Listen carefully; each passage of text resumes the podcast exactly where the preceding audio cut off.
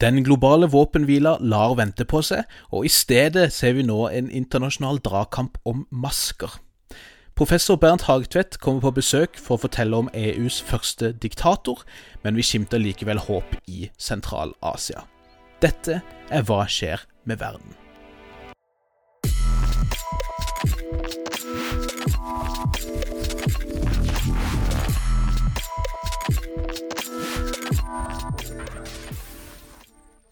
Hei, hei, Nick. Hei sann. Ny, ny uke, nye sørgeligheter. Og du er tilbake på, på jobb igjen, rett og slett? Ja, det Man kan prøve, men eh, man klarer ikke å holde oss borte. I hvert fall ikke når sola skinner fra klar himmel og temperaturen er så uh, høy, i, i hvert fall på solsida, at det er godt levelig her. det er deilig. Um, selv så, så, merker jeg jo at ISs motto 'remaining and expanding' er ganske godt og beskrivende for, eh, for min situasjon her på, på hjemmekontoret. Eser ut og holder meg i ro, men uh, sånn er det nå. Vi uh, har jo jeg har i hvert fall ikke registrert noen nye forferdelige kjendispåfunn denne uka som er verdt å bruke tid på. Det er jo noe å, å være takknemlig for, i hvert fall. Det skal sies at vi har noen fotball fadeser som vi kanskje må innom etter hvert, men, eh, men, det får vi kanskje komme tilbake til.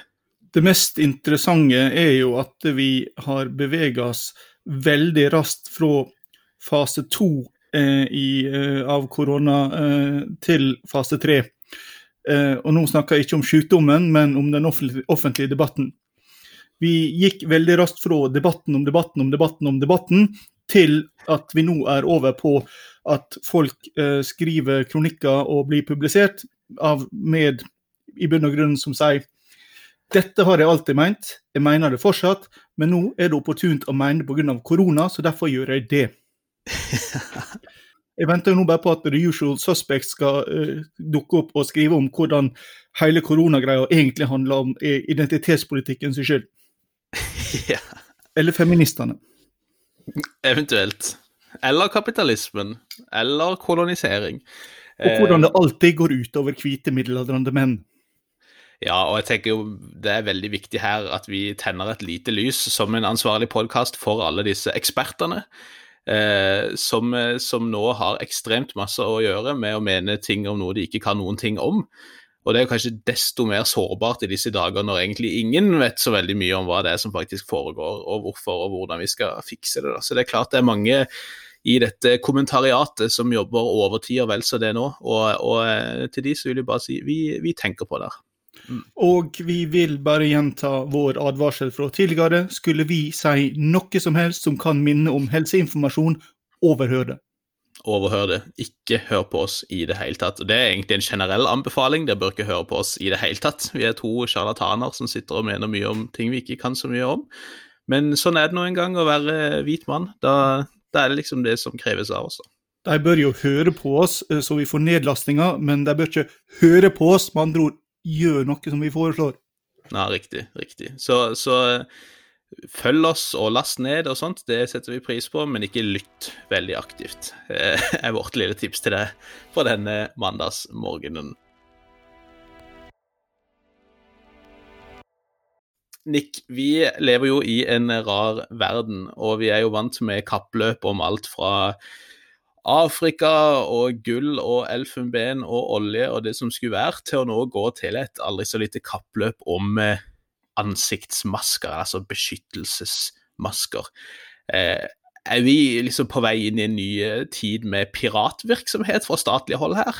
Det er jo litt av hvert som skjer både fra amerikansk og fransk hold i disse dager. Altså, det er jo et interessant fenomen at ei krise som må sies å være og oppfylle all, absolutt alle kravene til å være internasjonal krise, det eh, statene gjør, er å erklære nasjonale kriser. Mm. Og eh, som vi har sett den siste uka, så er det jo the usual suspect, Frankrike og USA, som eh, har tatt de hardeste virkemidlene eh, i bruk. Eh, og eh, altså USA har jo dels beslaglagt og dels si, bytt over og, og, og tatt uh, vare, helseutstyr, som var på vei til andre stater. Og Det er jo ikke bare ansiktsmasker, det er jo også disse ventilatorene. Um, og dette ble jo beskrevet bl.a. Av, tyskerne som uh, moderne piratvirksomhet. Mm. Uh, Frankrike har innført en uh, lov som gjør det mulig for staten å beslaglegge alt helse, relevant helsemateriell som er på fransk territorium. Og Det brukte de jo da bl.a. til å stoppe en forsending til Spania, som er det landet i Europa som akkurat nå er, er verst ramma. Mm. Men ikke bare Spania, men også Sverige, som hadde, der et uh, selskap hadde bestilt en stor uh, ladning fra Kina, men som ble stoppa i Frankrike. vel? Ja, altså det var det svenske selskapet skulle også sende til Spania. Mm. Så um, dette, dette, er ikke vakkert akkurat nå. Og um, hva slags internasjonalt samarbeidsklima vi får etter dette over, vel, det, det behøver ikke bli vakkert, det heller. Nei, og det er jo ikke akkurat fri bevegelse av varer vi, vi ser her, som vi jo tenker skulle være en selvfølge innenfor uh, den europeiske sfæren. Nei, altså det, det, eneste som nå ser ut til å fungere sånn noenlunde på tvers av grensene, er paradoksalt nok Nato. Eh, mm. altså det er jo militære fly som blir brukt til å flytte, uh, flytte pasienter og flytte utstyret mellom Nato-landene mens det sivile samarbeidet virker ikke å være veldig godt. Nei, nei. Vi kan jo for øvrig nevne når vi er inne på Nato, at de har fått et nytt medlem. Eh, Nord-Makedonia, eh, tidligere kjent som eh, Fyrom, så altså former, former Yugoslav Republic of Macedonia, får vi si. Eh, så vi får bare gratulere Nord-Makedonia med, med det. Ja, og vi kan jo også da eh, nevne at eh, Norge rett før koronanedstenginga fikk vel ei forsendelse med nye jagerfly, F-35 jagerfly. Og fire av dem sendte vi rett videre til Keflavik, der vi låner ut til Island, som sjøl mangla et eh, flyvåpen. De hadde jo lenge amerikanske F-16-fly stående der, men de ble jo trukket tilbake igjen for noen tiår. Eller det sto, mulig det sto ett igjen eh, lenger enn det. Eh, men de låner altså da fly, flyvåpen fra eh, andre stater. Så kan en jo spekulere i hva bruk Island har for F-35. Eh, det er jo et fly som er særdeles lite egnet til å drive med kystvakttjenester.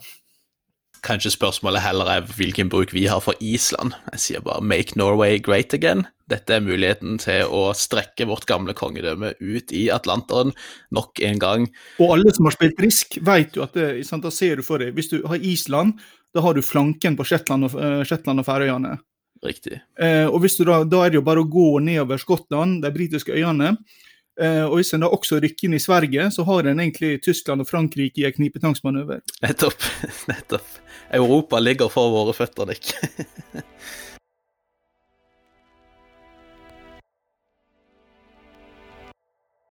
Krise er et uh, tidspunkt der det ofte blir politisk bevegelse, og den politiske bevegelsen kan ta mange retninger.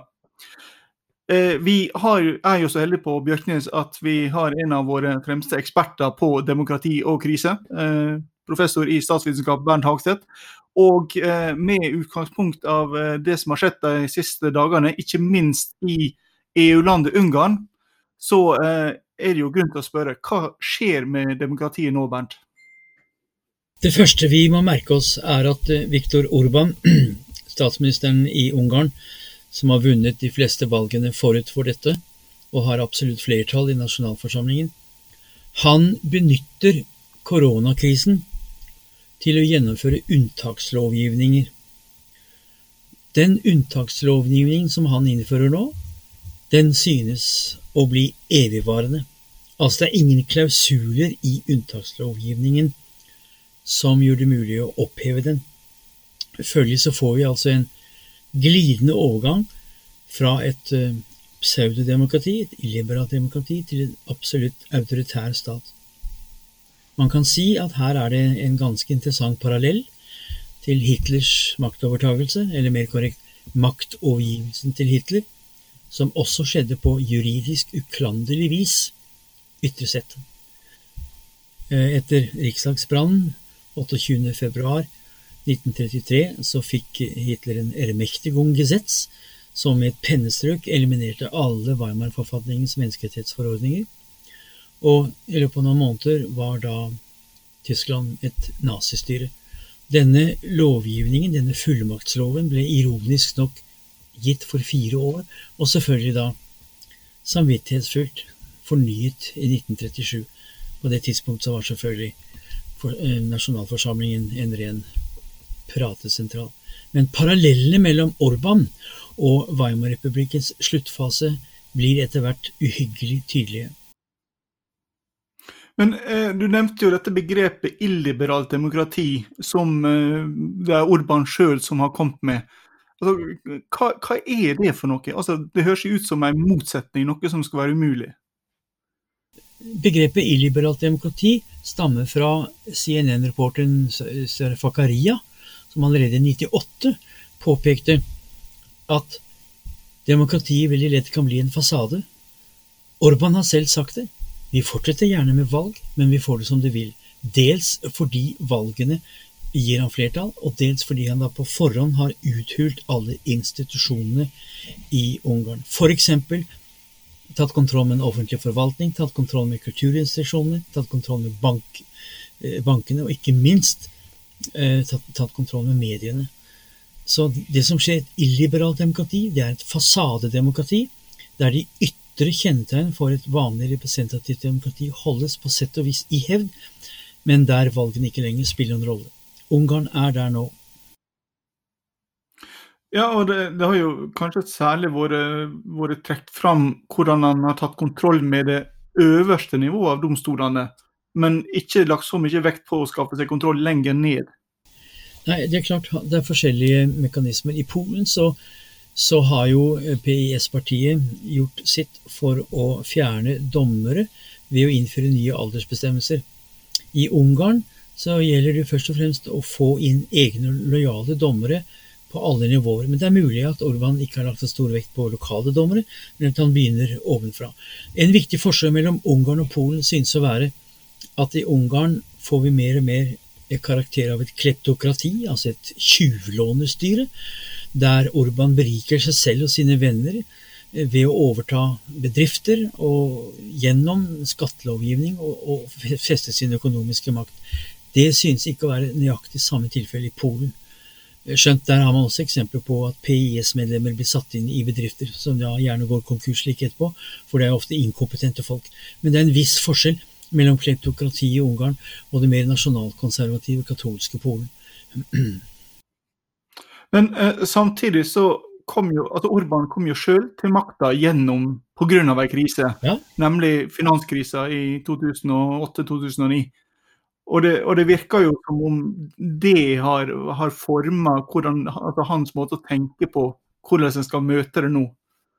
Jeg tror vi skal være klar over at i finanskrisen i 2008 så ble det skapt en dyp resentment, som vi sier, en dyp agg blant vanlige folk som led under krisen, mens de feite fiskene slapp unna. Det gjaldt jo særlig Lehman Brothers, Too Big to Fall, hvor Obama ikke straffet de som var ansvarlig for denne byggelånskrisen. Det skapte en oppfatning av at elitene passet på seg selv, og at elitene hadde ingen felles interesse med vanlige folk på bygdene, enten lavere funksjonærer eller bønder eller studenter eller hvem det måtte være. Og den eliteforakten der hadde sitt opphav i finanskrisen. Det ble samtidig klart gjennomført at det var ikke noe annet alternativ enn det liberale, neoliberale Europa. Washington-samstemmigheten gikk ut på at det var ikke noe andre alternativer. Jeg tror både i Ungarn og i Polen har det vært en dyp avstandtagen til forestillingen om at vestlig kapitalisme, med deres verdigrunnlag og kulturkosmopotalisme, altså kvinnesak, abortrettigheter, LHBT, at dette var den eneste mulige tenkelige modell. Det har kommet en voldsom reaksjon på, på dette, og det vi ser i Øst-Europa nå, er avstandtagen til etterligningen. De har, det er andre modeller den illiberale modellen er Orban som har tatt opp, men begrepet har han fått fra Zakaria i CNN. Men eh, i, i ei tid der eh, det nettopp er ekspertene som eh, kan redde oss om noen, er, er det mulig å opprettholde denne antielitismen? Ja, jeg er litt usikker på hva du mener. Det er helt, helt klart at eh, i både Polen og Ungarn så har krisen rammet forskjellig. I Polen så har jo det nasjonale budsjettet økt voldsomt. Det har vært en veldig økonomisk vekst i Polen. Men det har vært forskjellig, eh, forskjellig mottak. Det, forskjellige grupper har fått ulik, eh, ulikt utbytte. Og den polske landsbygda, som jo er veldig agrar, den er ikke maskinell i det hele tatt, den har selvfølgelig lidd sterkt. Og så har i Polen den katolske kirke spilt på at vi vil ikke ha det vestlige samfunnet kvinnefrigjøring, abortrettigheter og, og hele den kosmopolitiske, den moderne verden. De reagerer på den moderne verden. Og det kan man si i Ungarn også. Det er jo interessant å merke seg at den eneste demonstrasjon som har vært mot Orban, det kom da Orban forlangte at arbeiderklassen skulle arbeide mer. Da reagerte arbeiderklassen. De reagerer ikke på forfall i liberale verdier, men de reagerte på en leder som presset dem til å arbeide mer. Samtidig har Orban en veldig stor innvandring fra bl.a. Ukraina. Orban er ikke motstander av innvandring, han er motstander av muslims innvandring. Jo, men jeg, tenkte på eh, den pandemien vi nå står overfor. Så er det jo nettopp eh, altså ekspertene som kommer tilbake igjen, og som er de som skal redde oss. Altså, dette er jo da de elitene som disse populistene har eh, reagert så voldsomt mot. Ja, det er et interessant poeng. Vil vi få en større forståelse for sakkunnskap i kjølvannet av pandemien? Jeg er ikke så sikker på at folk uh, kobler det. Vi ser også hvordan pandemien bringer opp de verste fordommer. Igjen får vi jødehatet, det er jødenes, jødenes hevn fordi de drepte Jesus, Guds sønn. Du får hele flommen av fordommer kommer tilbake. Jeg er ikke så sikker på at det skjer en kobling mellom medisinsk sakkunnskap, som alle er enige om, men som jo også er kontroversiell, og den krisen. Det er et interessant synspunkt du har der, at nå vil kanskje respekten for sakkunnskap øke. Jeg er ikke så sikker. Det, jo, det, har jo vært sagt at det finnes ingen ateister i, i skyttergravene. og Det er jo på sett og vis der vi er nå. og Noen må vi jo tro på, men det kan hende det ikke blir ekspertisen vi tror på da heller. Nå er jeg klar over det at vitenskap er jo debatt. Vitenskap kommer med synspunkter som holder inntil det motsatte er bevist. Sir Karl Popper lærte oss dette her. Vitenskap er systematisk usikkerhet. Og det er en ganske avansert tanke når folk ser at fremtredende spesialister er uenige seg imellom. Så vil de antagelig kunne bidra til en skepsis til eh, hva vitenskap kan by på. Og i Europa i dag så har vi den fascinerende situasjonen at Sverige representerer et unntak. Hele Europa har stort sett samme tiltak, med unntak av Sverige. Vi har aldri kommet nærmere et kontrollert uh, samfunnsvitenskapelig eksperiment som vi gjør nå. Hva vil skje hvis Sverige får rett? Da vil, da, da vil man, altså, en konklusjon er jo at vitenskapsfolk er uenige seg imellom. Så jeg er ikke så sikker på at dette vil føre til noen økt uh, respekt for, for, vitenskapen. Hvis alt går bra, så kan vanlige folk si det er Guds vilje eller tilfeldigheter. Men jeg håper at du har rett. At den eliteskepsis som yter seg i form av bl.a. forakt for sakkunnskap, kanskje den vil avta. Men jeg har ikke store illusjoner om det. Nei, og altså, jeg, jeg er heller ikke Jeg, jeg veit ikke om jeg, jeg, tror på det sjøl heller. og et eksempel her kan jo være det, jo, det som skjer i USA. altså Det har jo vært latterliggjort eh, at Trump nå driver og hiver, og hans tilhengere driver og hiver fram denne malariamedisinen. Men samtidig så er den jo én av de tre som nå blir testa, bl.a. i Norge. Og om 14 dager, hvis det skulle vise seg at uh, denne fungerer, altså da vil jo faktisk uh, Trump og folk som han har kommet styrka ut av dette. Nettopp. Da vil man kunne si at uh, Trump hadde en spesiell innsikt, og det, det gjaldt bare å gripe det hele og prøve forskjellige ting ut. Nei, dette er en, en situasjon vi aldri har vært utsatt for, vil jeg si. Jeg husker jo Asiasyken i 57, men det var noe abstrakt, fjernt noe. Min far var opptatt av polioepidemien 49-50-51. Jeg husker han gikk og viftet mot fluer. Flere fikk jo polio, det var en hyggelig sykdom. Så har vi hatt sars og fuglevirus. Det er klart Dette har ligget under hele tiden. Jeg bare la merke til Børge Brende i går i World Economic Forum. Han sa det er en kjempetabbe at vi ikke har vært bedre forberedt. Det er ingen unnskyldning for ikke å ha vært bedre forberedt når vi har visst om dette fra 31.12. i fjor. Men kan freds- og demokratiprosjektet EU leve med det som i praksis nå har blitt et diktatur. Om ikke i sin midte, så iallfall i sin nærmeste utkant. Den store testen har kommet lenge. EU har antagelig uttømt sine, sine eh, sanksjonsmuligheter. Og man kan ikke regne med at EU samlet vil mot, mot opptre mot Ungarn, for Polen vil alltid nedlegge et veto. Så hele EUs oppbygging viser hvor skjørt dette er. Og jeg tror jeg har jo polske venner som sier ja, nå har vi fått det som er nødvendig, vi har fått penger, nå kan vi gå ut. Kan jo tenkes at både Polen og Ungarn går ut hvis det blir utsatt for sterkt press. Min egen oppfatning er at hvis ikke EU klart eh, innfører sanksjoner mot, mot Ungarn, så er det ikke noe poeng med EU. Nei, og eh, vi, vi, har jo en annen organisasjon her også, nemlig Nato. Men uh, Nato mangler jo en eksklusjonsparagraf, så de kan jo ikke kvitte seg med medlemmer de vil bli kvitt. Nei. De kan bare utestenge dem fra det indre samarbeidet. Ja, akkurat. Eh, det ser ut til at Orban kommer til å vinne alle valg. Den samme utviklingen er jo nå i Slovakia for øvrig. Så en lærdom fra mellomkrigstiden er jo at hyppige valg løser ingenting. Valgene i Weimar-republikken fra 1930 til 1931 var fire-fem valg, to presidentvalg og ikke minst eh, et parlamentsvalg i eh, høsten 32, hvor nazistene gikk tilbake. Men det, valgene løste ingenting. Det bare økte sjansen for at nazismen fikk et nytt talerør. Så det interessante og uhyggelige er at valg ikke lenger er et korrektiv. Valg er snarere et stempel. Og så valg er ikke korrektiv, og vi har allerede vært inne på at lov ikke er en beskyttelse.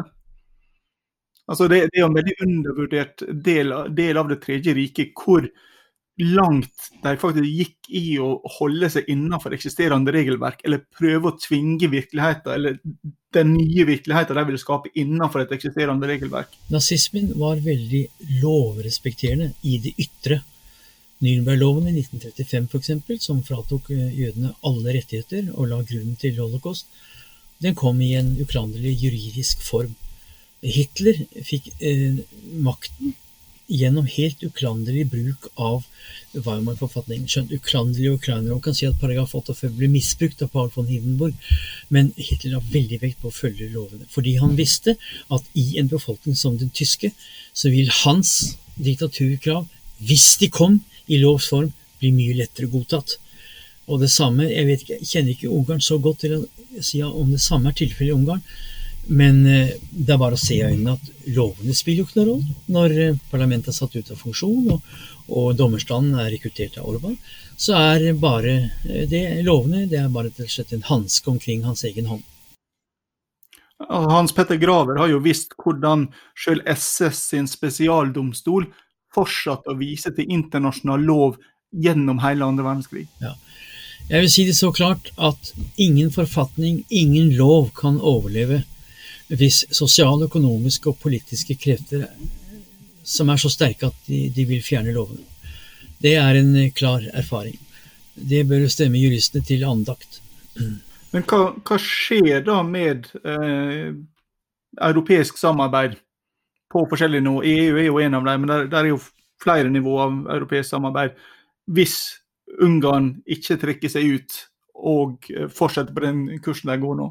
Det er et helt åpent spørsmål.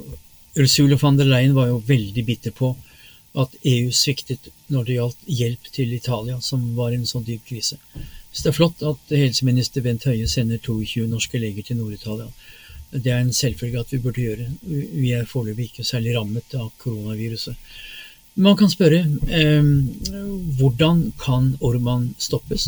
Den eneste måten å stoppe ham på nå synes å være en mobilisering innad i Ungarn av de som er igjen av, av venstreorienterte partier. Men problemet der er jo at sosialdemokratiske partier har jo på mange måter, på mange måter sviktet. Eh, Orbans vei inn i makten kom jo etter et maktforfall i sosialdemokratiet, hvor den sosialdemokratiske lederen ble tatt i å lyve for folket. Så jeg, jeg, kan ikke skjønne annet enn at Ungarn antagelig i løpet av få år kommer til å melde seg ut av EU.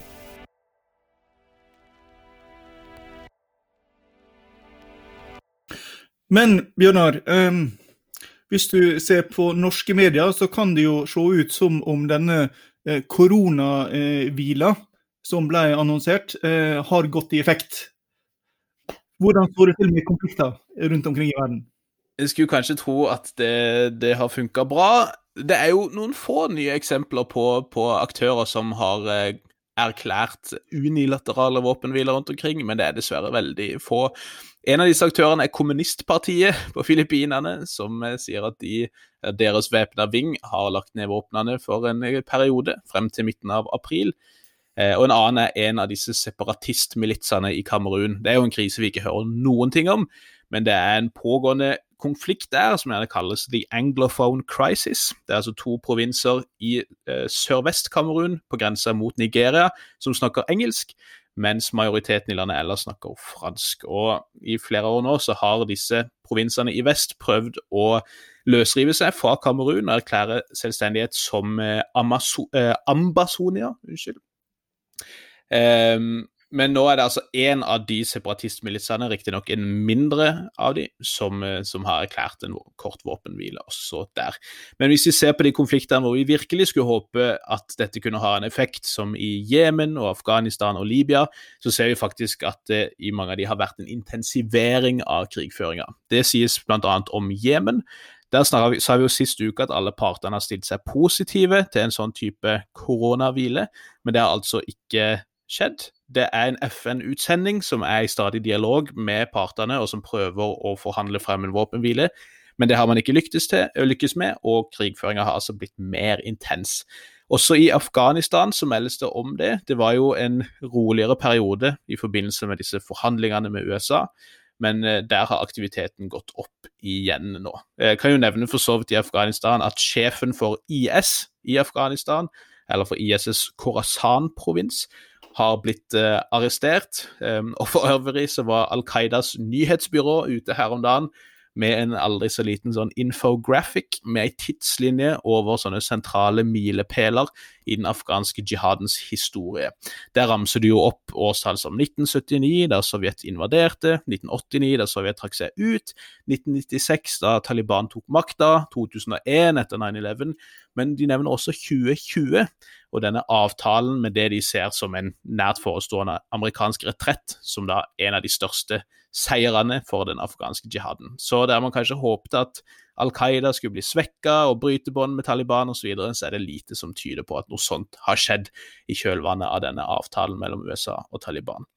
Også i Libya, der vi snakka om for et par uker siden at partene var positive til en slags koronahvile, der også har krigføringa blitt mer intens.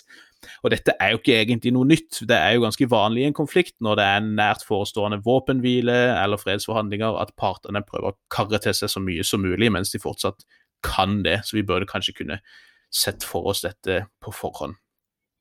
I Syria så holder denne våpenhvila i Idlib i nordvest sånn tålelig enn så lenge, men det kommer jo flere rapporter fra det syriske sivilsamfunnet om at eh, Tyrkia har sendt inn stadig flere soldater og militært materiell inn i Idlib, sånn at det ser ut som de prøver å konsolidere sin posisjon der. Det meldes om eh, nye uroligheter og trefninger i Dara, helt sør, altså mot Israel.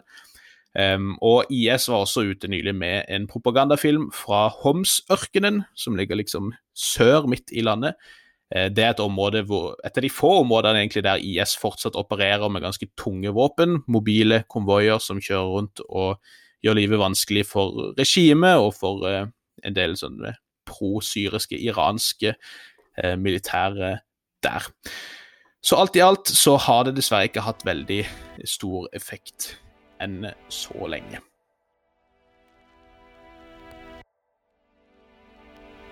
Sist eh, Bjørnar, snakka vi jo om at det hadde vært flere dødelige angrep fra Boko Haram og IS i Vest-Afrika. Har det vært noe mm. mer utvikling på den fronten? Ja, det, det har det.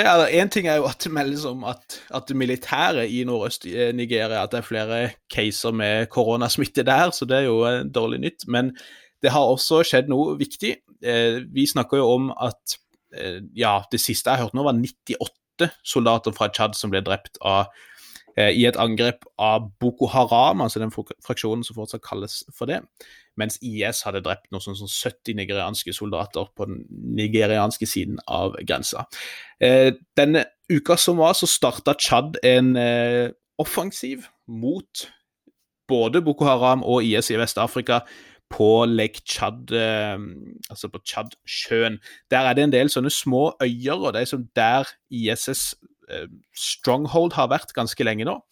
Og dette voldsomme angrepet mot styrker fra Tsjad var tydeligvis kanskje da dråpen som fikk begeret til å flyte over, og som, eh, som, gjorde at man rett og slett har beslutta å gå på offensiven, om enn bare på, den, eh, på Tsjads side av eh, grensa. Enn så lenge så er jo ikke all verdens informasjon som kommer ut derfra, annet enn fra det Tsjads eh, prostatlige dekning deler med oss. President Idris Deby er jo blitt avbilda på fronten i full, full militær bekledning.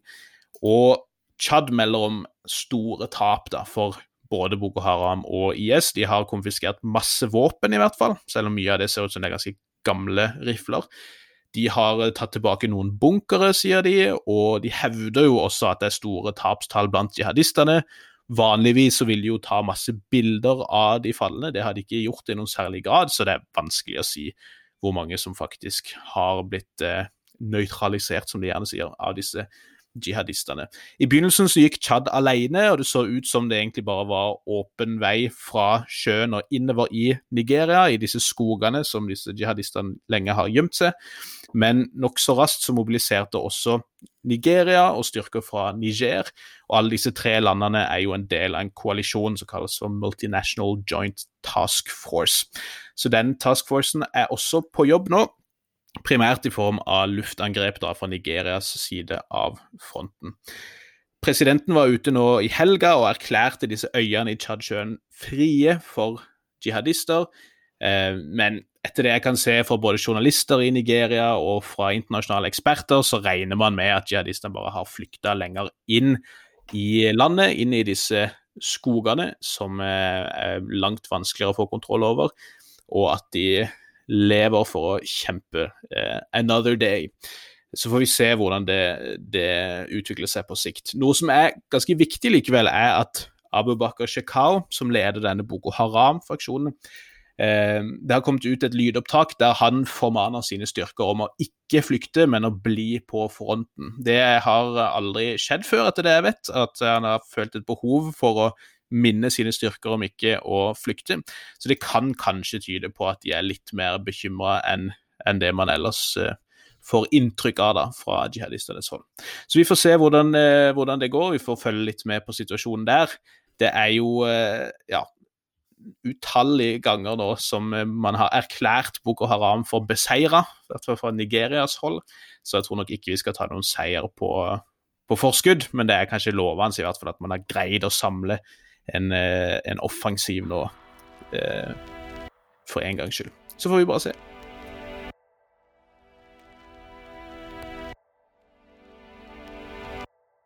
Ellers så har vi jo vært inne litt på dette med hvordan eh, forskjellige stater håndterer denne koronakrisen. Og da har vi jo et aldri så lite glimt fra, fra Turkmenistan, da. Um, for de som følger Diktatornytt på Facebook, så har de kanskje blitt kjent med Gurbanguly Berdi Mohamedov, som da er sjefen sjøl i Turkmenistan. Han ser ut som en litt yngre eh, Brezjnev, vil jeg si, og oppfører seg jo egentlig som en god gammeldags sovjetisk leder også, på mange måter. Og løsninga i Turkmenistan har jo rett og slett bare vært å, å fjerne korona eh, som begrep fra alt av offentlige guidelines og helsetips osv. Og, så og Reporters Without Borders hevder at eh, folk som bruker dette ordet i det offentlige, faktisk kan bli arrestert. Så det er jo en måte å, å fikse det på. Altså, Folk vil jo sikkert bli smitta og dø likevel, men det er da i hvert fall ikke korona i så fall. Nå som vi først er i, i strøket da, med Turkmenistan, så er det jo verdt å nevne at det er veldig gode nyheter som kommer ut også av Tajikistan i disse dager, Nick. Ja, det er faktisk eh, fotballsesongen som er i gang. For de som har abstinens, og syns at uh, Football Manager og Fifa allerede er oppbrukt. Det er en mulighet. Uh, gå inn, søk, finn en eller annen stream. Ulovlig, men det er jo Øst-Europa, uh, så, så det, det, er sikkert lovlig. Sentral-Asia, riktigere sagt, men Men ja, det er verdt bort, i hugget der. Så for de av dere som er lei av hviterussisk fotball òg nå, Tadsjikistan er stedet dere skal se til. Um, så er det jo verdt da å nevne det, det, jo, det, pågår jo en ganske stor diskusjon, og det er mye skal vi si, negativ pressedekning rundt fotball og uh, fotballens ansvar nå i disse dager i uh, England. Det er jo en del uh, politikere som maser om at fotballspillerne må ta ansvar og liksom donere sine penger, men så er det også mye fokus på hvordan disse forskjellige klubbene håndterer dette, da, og hvordan de tar vare på sin stab, som gjerne er avhengig av de lønningene de har fra dag til dag. Og der har vi jo et lite lysglimt fra din kjære klubb Everton, Nick, som har tatt en ganske spesiell og skal vi si ansvarlig posisjon i alt dette her. Kan du fortelle litt om det? Ja, altså, Everton har jo over et tiår bygd opp en enorm eh, sånn eh, eh, sosial organisasjon ved sida av idretten. Altså, Liverpool er jo det, det, er ikke, det er ikke en velstående by. Det er masse fattigdom, det er masse sosiale problem. Og eh, Everton var ja, det er kanskje den første fotballklubben i, i England som virkelig tok dette inn over seg. Og har, og bygd opp Everton in the community, som det heter, som retter seg direkte inn mot svake og utsatte grupper. Eh, og den som hadde ansvar for dette her, Denise Barrett Baxendale, eh, ble i fjor ansatt som eh, sjef for hele klubben pga. det arbeidet hun hadde gjort. Altså, det var såpass uh, imponerende at uh, hun ble da løfta opp. Og når nyhetene kom fra Kina om at her var det noe eh, på gang i januar, så begynte hun med en gang å utvikle en strategi for hvordan Everton skulle håndtere dette her. Og den ble da satt i verk eh, med en gang. Og den inkluderer jo Alt fra at uh, spillere og andre ansatte uh, ble isolert, men fikk oppfølging. Uh, det har handla om at man har holdt kontakt med folk i lokalsamfunnet som man vet er ensomme. Det har handla om å hjelp til å få kjørt ut mat osv. Man har brukt ansatte i klubben, også deltidsansatte, til dette arbeidet. her. Og kanskje den viktigste her er jo at de faktisk har bestemt at absolutt alle som var ansatt før dette her, får lønn ut sesongen det de skulle hatt. De som bare var tilkallingsvakter på kamper, får betalt som om de kampene skulle bli, eh, skulle bli spilt. Og um, dette er jo en, en, liten kontrast til enkelte andre klubber i, uh, i lokalområdet, for å si det mildt. Ja, det er klart Som en ansvarlig podkast så heier vi jo også på ansvarlige klubber. Vil Si Arsenal må fortsatt vise at de har den klassen de påstår at de har. Vi får håpe at de, de har i lov til å betale staben ut april, etter det jeg har sett. Så får vi håpe at de skjerper seg og lover det ut hele sesongen, de også. Men det er klart det er jo ikke tilfeldig at det er nettopp Liverpool og Tottenham som er noen av de første ut til å permittere store deler av sin stab. Um, og Det innebærer jo også Nick, at de da, så vidt jeg skjønner, utnytter en statlig ordning som ikke egentlig steinrike klubber som har tjent milliarder på å komme til Champions League-finalen i fjor, skulle ha benytta seg av. Altså Liverpool gikk jo ut og sa at de skulle dekke 100% av lønninga til sin stab.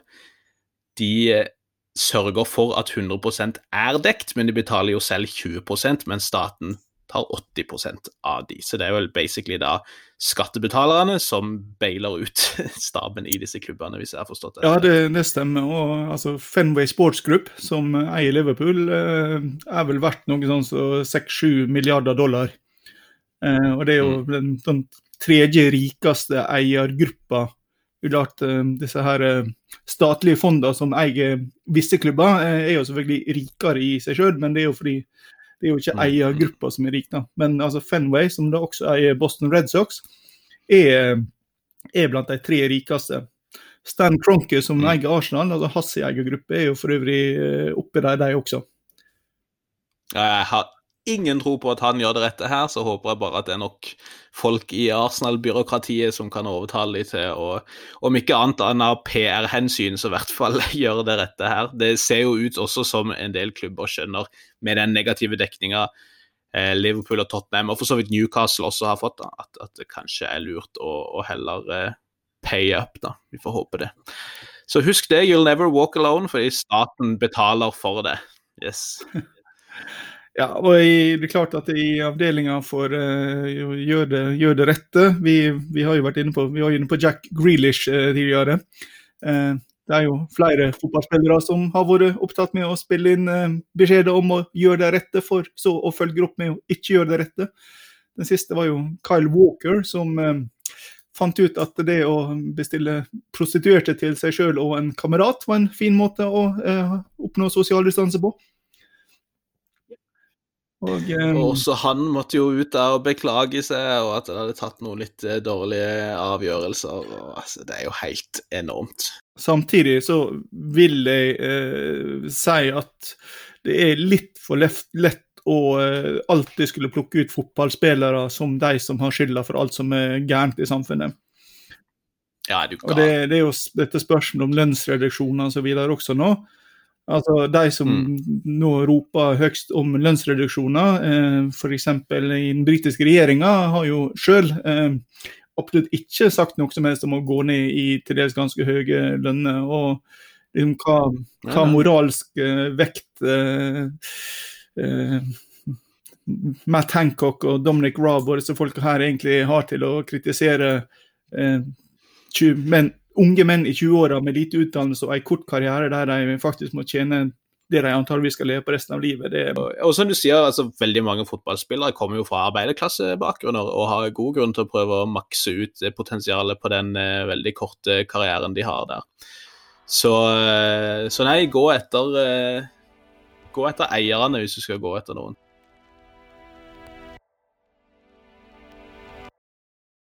Det var alt vi rakk i dag, men frykt ikke, det kommer faktisk én episode til denne uka. For på torsdag 9. april er det 80 år siden den tyske invasjonen av Norge. Det markerer vi med en liten Hva skjer med verden spesial, sammen med Nick Brandal, vår faste vert, og dagens gjest, faktisk, professor og vår kollega Bernt Hagtvedt. Det er ikke så veldig mange som kan så fryktelig mye mer om det som skjedde i 1940 enn nettopp Bernt og Nick, så dette vil være vel verdt å lytte til. De kommer til å ta for seg helt sentrale spørsmål som hva var det egentlig Hitler ville med Norge, men også ting du kanskje ikke har hørt så mye om, som f.eks. For forholdet mellom Norge og Sverige og mistilliten som råda der under krigen. Vi er tilbake med vår vanlige podkast i begynnelsen av neste uke. Og enn så lenge så ønsker vi alle ei god påske.